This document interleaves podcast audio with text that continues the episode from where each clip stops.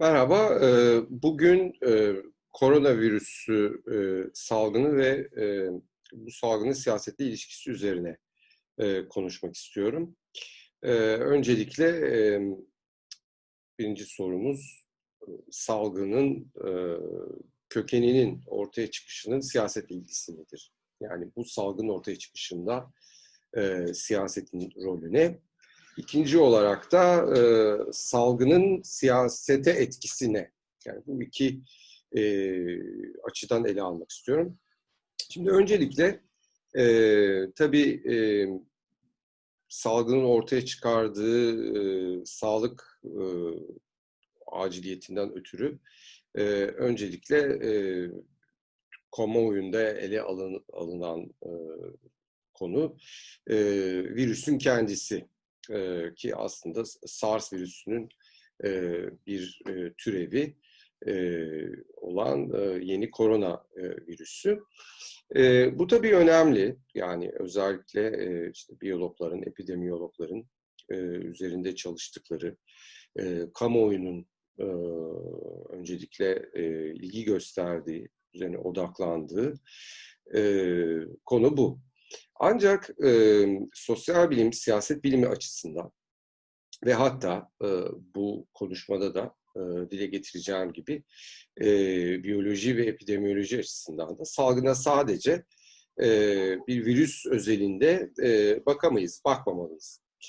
E, dolayısıyla salgını sadece bir virüsten ibaret e, görmemeliyiz. Çünkü e, şunu açıklamamız çok zor e, aksi halde. Yani e, işte bir yarasanın muhtemelen e, ciğerinde e, olan yarasa e, popülasyonu içinde e, dolaşan bir virüs nasıl oldu da e, birkaç hafta içinde e, bütün dünyaya etkiler hale geldi. Bu yani çok önemli bir soru olduğunu düşünüyorum ve salgını e, açıklayabilmek için bir e, sosyal olgu olarak e, çok önemli olduğunu düşünüyorum.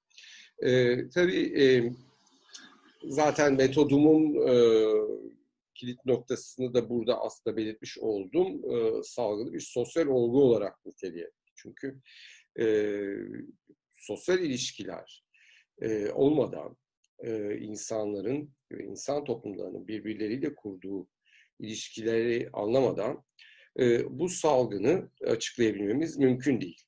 E, kökenini açıklayabilmemiz mümkün değil gelişimini açıklayabilmemiz mümkün değil, sonuçlarını açıklayabilmemiz mümkün değil. O bakımdan e, e, bu virüsün nasıl küresel bir patojen haline geldiği, nasıl küresel bir aktör haline geldiğini anlayabilmek için öncelikle sermaye piyasalarını, e, tarım ve hayvancılık yatırımlarını, e, ve şehir kır politikalarını, e, sağlık ve çalışma politikalarını e, ve ulaşım sistemlerini tabii ki e, insan topluluklarını dünya üzerinde çeşitli coğrafyalara dağılmış insan toplumlarının birbirleriyle olan münasebetlerini, e, birbirleriyle olan iletişimini e, anlamamız gerekiyor. Ancak bütün bu faktörleri e, birlikte ele aldığımızda e, bu e, salgının e, salgını e, açıklayabiliyoruz somut bir olgu olarak. E, bu tabii e, zor bir e, analiz. E, bu analizi yapabilmek için de e, çok çeşitli bilimlerden, disiplinlerden e, faydalanmamız e, gerekiyor. E, burada da e, aslında yıllardan beri e, sosyal bilimlerde, insan bilimlerinde e, dile getirdiğimiz işte disiplinler, disiplinler arası çalışmaların zorunluluğu. Özellikle benim uzmanı olduğum uluslararası ilişkiler alanında sürekli altını çizdiğimiz disiplinler arası çalışmaların ne kadar gerekli olduğu ortaya çıkıyor.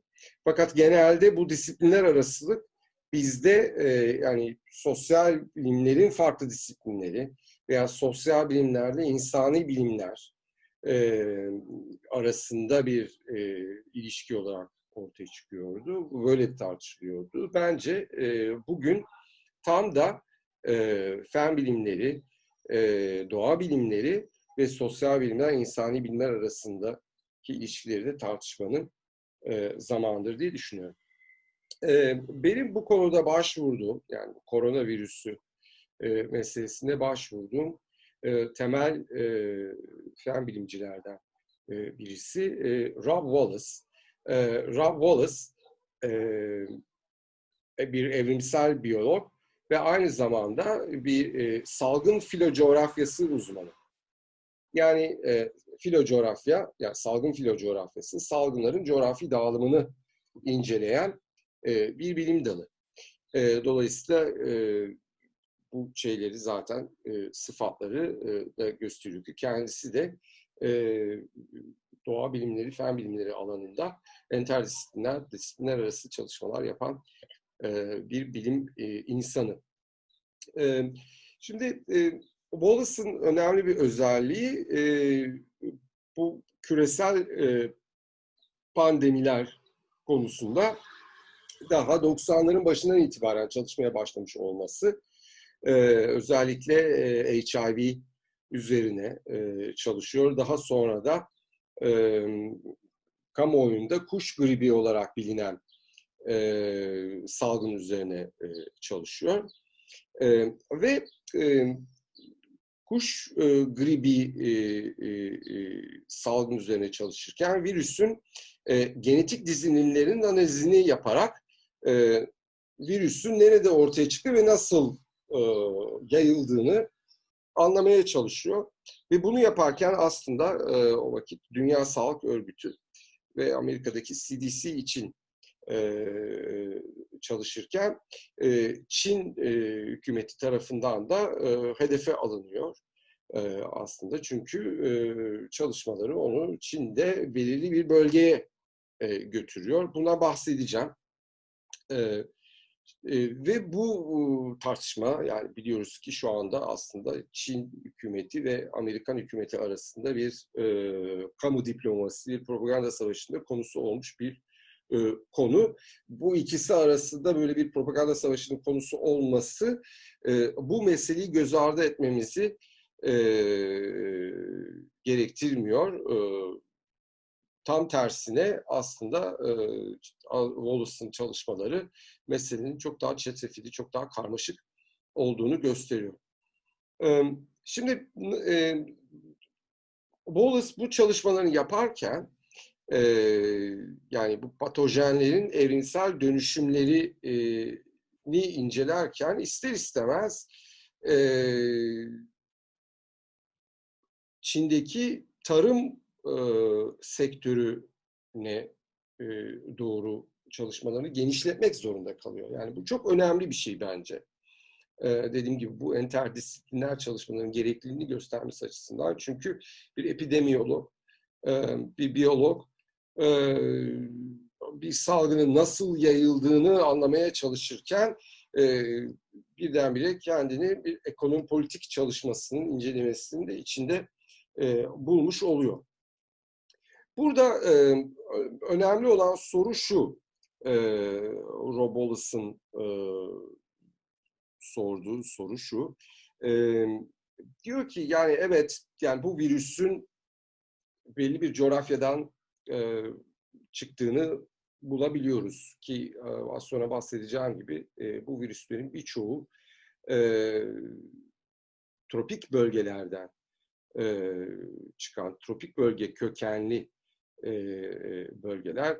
Bunda da şaşılacak çok bir şey yok. Çünkü tropik bölgeler e, daha fazla e, canlının, e, mikroorganizmanın makroorganizmanın e, yaşadığı yerler. Yani biyoçeşitliliğin daha yüksek olduğu e, yerler. Bu açıdan da e, insan toplumlarının e, henüz karşılaşmadıkları veya ilk defa karşılaştıkları e, virüslerin, patojenlerin de e, bulundukları bölgeler. E, bunda belki şaşıracak bir şey yok. E, az sonra bahsedeceğim gibi e, salgın tarihi çalışan e, William McNeil gibi dünya tarihçileri de zaten yıllar evvel e, bu bölgeleri e, patojenlerin kökeni olarak e, belirlemişlerdi. Yalnız e, burada önemli olan soru e, salgının neden belirli bir zamanda ortaya çıktığı. Yani e, önemli olan soru burada. Evet burada bir virüs e, vardı bu coğrafyada ama nasıl oldu da e, bir zamanda, belirli bir zamanda bu virüs bir salgına dönüştü. Yani salgının çıkış zamanını açıklayabilmek e, çok önemli. E, bunu orta, bunu çalışırken de yani neden 90'ların ortasında kuş gribi Çin'in Guangdong bölgesinde ortaya çıktı. E, yani bu neden ve ne zaman e, e, sorularını neden bu zaman e, e, sorusunu e, cevaplayabilmek için e, Wallace e, tarım sektörünün patojen yörüngelerini nasıl değiştirdiğini e, e, incelemeye başlıyor. E, şimdi burada e, önemli bir e, ayrım var e, salgında özellikle e, Çin'in e, salgının e, salgının çıkış noktası kökeni olarak e, belirlerken dikkat edilmesi gereken önemli bir nokta. Ve Wallace bu konuda çok dikkatli. E, hatırlayacaksınız e, salgının ortaya çıkış e, ve kökeni tartışılırken bu tartışmalarda genellikle e, Wuhan kentindeki ıslak pazar adı verilen içinde e, vahşi hayvanların, egzotik hayvanların da satıldığı e, pazarlar e, bir çıkış noktası olarak e, gösteriliyordu. E, şimdi bu tabii e, özellikle e, salgın hastalıklar söz konusu olduğunda e, tarihte Orta Çağ'daki vebadan bu yana e, oryantalist e, tahayyülde e, batılı olmayan coğrafyaların, Avrupalı olmayan coğrafyaların bir salgın e, merkezi olarak kodlandığı bir e, e, zihin yapısına çok uygun. Yani bu yani bu anlamda oryantalist e, söylemi yeniden üreten bir yapısı var. Bunu bugün e, işte Donald Trump'ın e, Çin eleştirisinde veya e, ona da e, sınırlı kalmıyor. Hani Avrupa'da da bunu görüyoruz. Hani e, Çin'e yönelen bir e, böyle bir oryantalist eleştiri de e, yani bu oryantalist zihniyeti ifadelerini görüyoruz bu eleştirilerde. Şimdi e, Wallace'ın e, hatırlattığı şey şu, e, bu pazarlar, bu ıslak pazarlar vesaireler aslında e, tam olarak e, bize salgının nasıl çıktığını aslında anlatmıyor. Birkaç tane örnek veriyor burada. Birincisi ilk enfekte olan olduğu saptanan insanların çeyreği bu pazara uğramış insanlar değil, bu pazara uğramamış olan insanlar. Nitekim ilk vaka açıklaması da bu pazara gidip gelmiş, bu pazarla ilişkili bir vaka değil. E, yine e, test sonuçları pozitif çıkan insanların ancak yüzde 41'i buradaki bu pazardaki vahşi hayvan satılan bölgeyle ilişkilendirilebiliyor.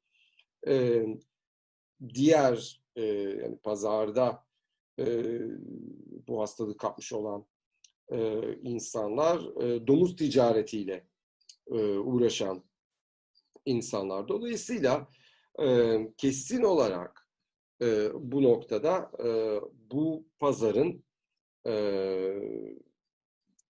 açıklama gücü veya işte bu pazarın bu e, şeyin e, virüsün e, nedeni olduğu e, savı e, doğrulanamıyor bu test sonuçlarından. Tabii daha da önemlisi aslında yani yüzyıllardan beri e, devam eden bir gelenek bu ıslak pazar geleneği veya işte bu egzotik e, hayvanların tüketilme e, e, geleneği. E, peki yüzyıllardan beri ortaya çıkmayan yani bu bu e, e, yiyecekler yani hayvanlar yiyecek olarak e, tüketilmesine rağmen e, neden e, şimdi ortaya çıkıyor bu hastalık? E, şimdi burada e, e, Rob Wallace'ın hem e, daha önce kuş gribiyle ilgili yazdığı kitabında hem de e, geçtiğimiz Mart ayında Monthly Review dergisinde Alex Liebman, Luis Fernando Chavez e, ve Roderick Wallace'la beraber yayınladığı ortak makalesinde önemli bazı iddialarda bulunuyor. Şimdi bunun en önemli şeyi bence bu argümanın merkezinde oturan açıklayıcı sebep olarak salgın açıklayıcı sebebi olarak gösterilen olgu ormansızlaştırma. Yani giderek tropik orman bölgelerinin çeşitli ekonomik faaliyetler için ortadan kaldırılması ve vahşi hayata yönelik e, bu coğrafyalardaki vahşi hayata yönelik müdahaleler. E, şimdi burada e, başı çeken aktörlere baktığınızda e, bu tropik ormanlara yönelik e, işgal e, e, hamlelerinde e, ve bu bölgeleri e, iktisadi faaliyete açan e, aktörlere baktığımızda bu aktörlerin başında e, küresel e, sermaye grupları görüyoruz. E, bu makalede e, zikredilen grupların başında örneğin Colgate Palmolive e, şirketi, Johnson Johnson e, gibi şirketler çeşitli nedenlerle bir kısmı e, ham madde e, ihtiyacı, bir kısmı e, işte çeşitli başka yatırımlar için e, buraya e, bu bölgeleri giriyorlar. İşin ilginç tarafı ki burada işte bu bilim e, meselesi ve enterdisipliner çalışmalar e, meselesini doğrudan ilgilendiren e, bir nokta. E, bu ormanlara e, müdahale eden e, şirketler aynı zamanda e, yeni patojenlerin e, çıkabileceği coğrafyaları belirleyen e, incelemeleri, araştırmaları da fonlayan şirketler. Yani e, bir anlamda e, bu salgın, yeni salgınlar üzerine, yani olabilir, muhtemel salgınlar üzerine yapılan araştırmalar aslında bu salgınları e, ortaya çıkmasına sebep olan şirketler tarafından fonlanıyor. E, iddia bu. E, bu incelemelerde e, diyor yazarlar, e, Çin, Hindistan, Latin Amerika ve Afrika'nın bazı bölgeleri e, genelde kırmızı işaretleniyor. Yani kırmızı çünkü e, alarm veren bölgeler, e, yeni patojenlerin çıkabileceği, yeni virüslerin çıkabileceği bölgeler olarak e, mutlak salgın coğrafyaları olarak belirleniyor yazarların deyimini kullanırsak. Yani e, bir daha söyleyecek olursak yani başında söylediğim konuşmamın e, virüslerin e, yaşadıkları e, gerçi işte yaşıyorlar mı yaşam e, kategorisi onlara için kullanılabilir mi virüsler için e, mantık açısından. Hani bunu şu anda bir tarafa koyuyorum ama çok çeşitli virüslerin e, var olduğunu biliyoruz bu tropik bölgelerde. Peki o zaman hani bu bölgeleri böyle mutlak salgın coğrafyaları olarak işaretlemek, belirlemek ne anlama geliyor?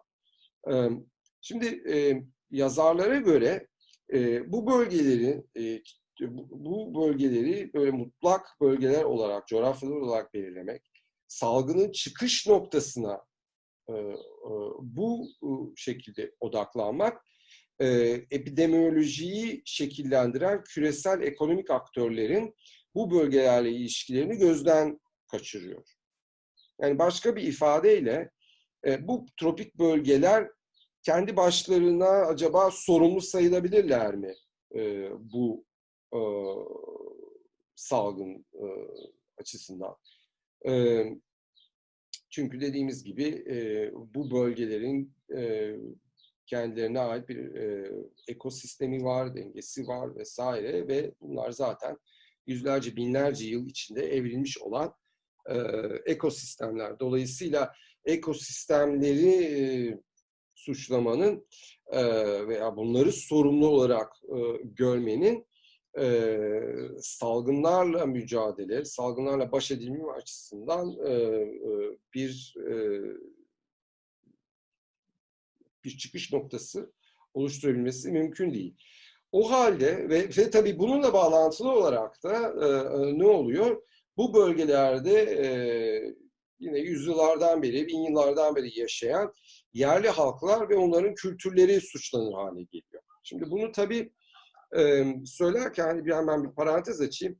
Hani bir üçüncü dünyacı milliyetçilik anlamında e, e, dile getirmiyorum e, bu noktayı. Yani hani e, bu kültürlerin her yaptığı doğrudur, işte e, her şekilde savunulmalıdır a, anlamında söylemiyorum ama şu bir gerçek, e, yerel halkların, bu bölgelerde yaşayan yerel halkların içinde yaşadıkları ekosistemle e, yüzyıllar, bin yıllar içinde kurmuş oldukları bir denge var.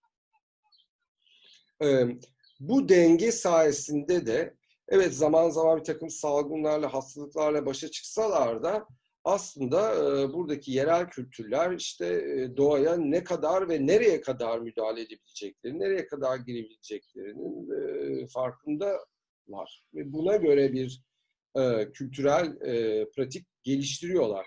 Aksi halde zaten hayatta kalmaları insan toplumları olarak mümkün olmazdı.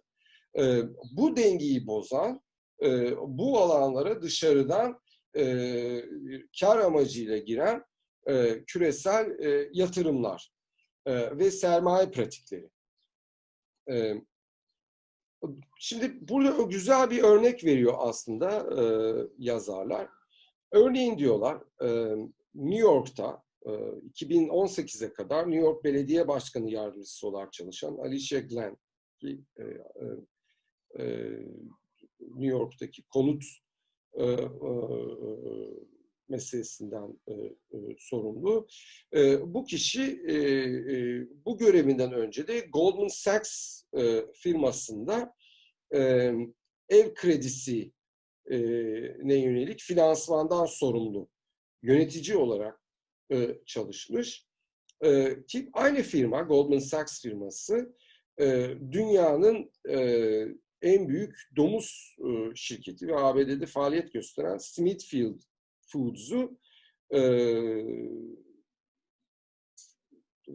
Foods'u Foods'un bağlı olduğu e, bir Çin şirketini e, Shuangui ve bu yani küresel olarak bir e, tarım e, ve hayvancılık devi e, Shuangui yatırım ve kalkınmanın yüzde 60 hissesini almış. Yani burada garip ilişkiler yani bu şu demek değil. Yani bu tabii ki işte Goldman Sachs'te çalışıyormuş.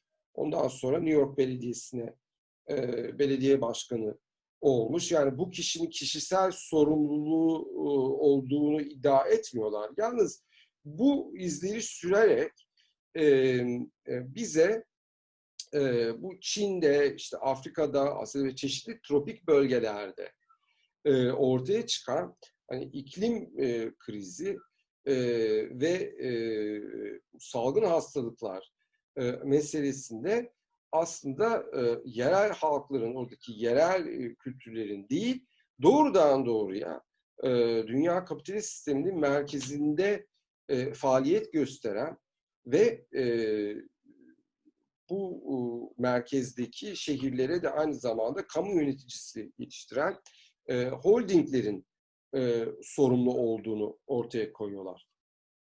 E, şimdi buradaki yine bir örnek verelim aynı Goldman Sachs üzerinden gidiyoruz. Mesela Fujian ve Hunan eyaletlerinde Deutsche Bank bankasının da ortak olduğu çeşitli e, yatırımlar e, e, yapmışlar. E, e yap, e, yapmış Goldman Sachs firması. E, bu yatırımlar işte 10 tane tavuk çiftliği içeriyor örneğin. Yani tarım ve hayvancılık sektöründe gerçekleştiriliyor bu yatırımlar ve e, burada günümüzdeki e, şu anda güncel e, korona e, salgınıyla e, çok yakından alakalı e, bir e, yer burası. Çünkü Huan, Hunan eyaleti aynı zamanda Wuhan e, kentinin içinde e, Wuhan kenti ve onun içinde bulunduğu eyaletin e, vahşi e, hayvan av sahası içinde bulunuyor. E, ve e, iddia şu, e, bu e, tarım yatırımları, e, tropik ormanların, vahşi ormanları içine girdikçe bunların içinde e, bunları tarım alanlarına, hayvancılık alanlarına dönüştürdükçe e, e, vahşi hayvan avlayıcıları daha da iç e, coğrafyalara yani vahşi ormanların daha da içine doğru e, girmek e, zorunda kalıyorlar. E, bu bir. İkincisi tabii burada sadece bu vahşi hayvan avlama pratiklerinin de e, bu salgının sebebi olduğunu düşünmemek lazım. Çünkü e, esas burada önemli olan nokta vahşi hayatla kent hayatı arasındaki mesafenin kısalmış olması. Yani bir başka ifadeyle söyleyecek olursak e, örneğin Zoderberg'in Contagion filmindeki senaryo buydu e, ve e, gayet mümkün bir senaryo. E, işte e, vahşi ormanın e, içine yapılan veya vahşi ormanın hemen yanına yapılan veya vahşi orman e, yıkılarak e, tarumar edilerek o arazi üzerine yapılan bir işte domuz çiftliği olduğunu varsayalım. E, e, o coğrafyada e, yaşayan yarasaların o, domuzlarla etkileşim halinde olması e, içten bile değil yani içten bile değil çünkü e, gayet rahat bir şekilde değil mi? o ormanda dolaşan e, o ormanda beslenen yaşayan e, yarasalar e, bu domuzları enfekte edebilir. E, az önce örneğini verdiğim filmde örneğin e, hani bir ısırıkla vesaire de değil işte ağzında uçarken ağzında taşıdığı bir yemek parçasını e, çiftliğin içine düşürüyor ve e, çiftlikteki e, domuzlardan bir tanesi de bu düşen parçayı yiyor. Yani bu e, etkileşimleri e, bu e, vahşi hayatla e, kent hayatı arasındaki e, mesafe kısaldıkça e, bu etkileşimleri engelleyebilmek mümkün değil. Bu etkileşimleri e, bir muhasebesini yapabilmek bile e, mümkün değil. Yani hangi önlemler alınsa da bu ikisinin yani işte çiftlikteki bir domuz veya tavukla işte havada uçan bir yarasanın e, birbirine değmemesini sağlasak e, bunları e, yapabilmek çok güç. E, bu önlemleri alabilmek çok e, güç. Dolayısıyla aslında e, bütün bu e, iddiaların e, bize önerdiği başka bir şey o da e, tümden e, şu anda içinde yaşamış olduğumuz medeniyeti e, yani kent hayatını e, gözden geçirmemiz, yeme içme alışkanlıklarımızı e, ve bunu nasıl örgütlediğimizi ekonomik, iktisadi e, planda nasıl örgütlediğimizi e, gözden geçirmemizi öneriyor. E, bu tabii e, işte işte Çin'le Amerikan yönetimi arasındaki propaganda savaşının çok daha ötesine geçen bir önerme, bir vizyon. İşte kimin Dünya Sağlık Örgütü'ne ne kadar borcun olduğu meselesinin çok daha ötesinde aslında dünyadaki kapitalist sistem ve bunun yarattığı ekolojik krizle ilişkili bir sorun bu. Ee, tabii bu şu anda uğraştığımız bu COVID-19 salgınının tam olarak nasıl ortaya çıktığı, hangi işte şirketlerin, hükümetlerin, yerel yönetimlerin, karar vericilerin yani bu hangi, hangi zincirin bu noktada sorumlu olduğunu bilimimiz için öncelikle genetik dizilimi araştırmalarına ihtiyacımız var.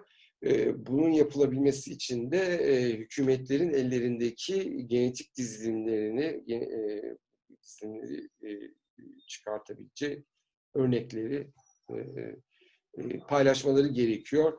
Özellikle Dünya Sağlık Örgütü'yle ve bu tabii Dünya Sağlık Örgütü'nde bunu bağımsız araştırmacılara sunması gerekiyor, onlarla paylaşması gerekiyor. Acaba bu süreç nasıl işleyecek? Bundan sonra bence önemli bir ayağı e, meselenin özellikle siyasi ayağı, bakın burada burada e, e, bilimsel bir mesele değil, burada e, işte hükümetlerin hükümetlerin e,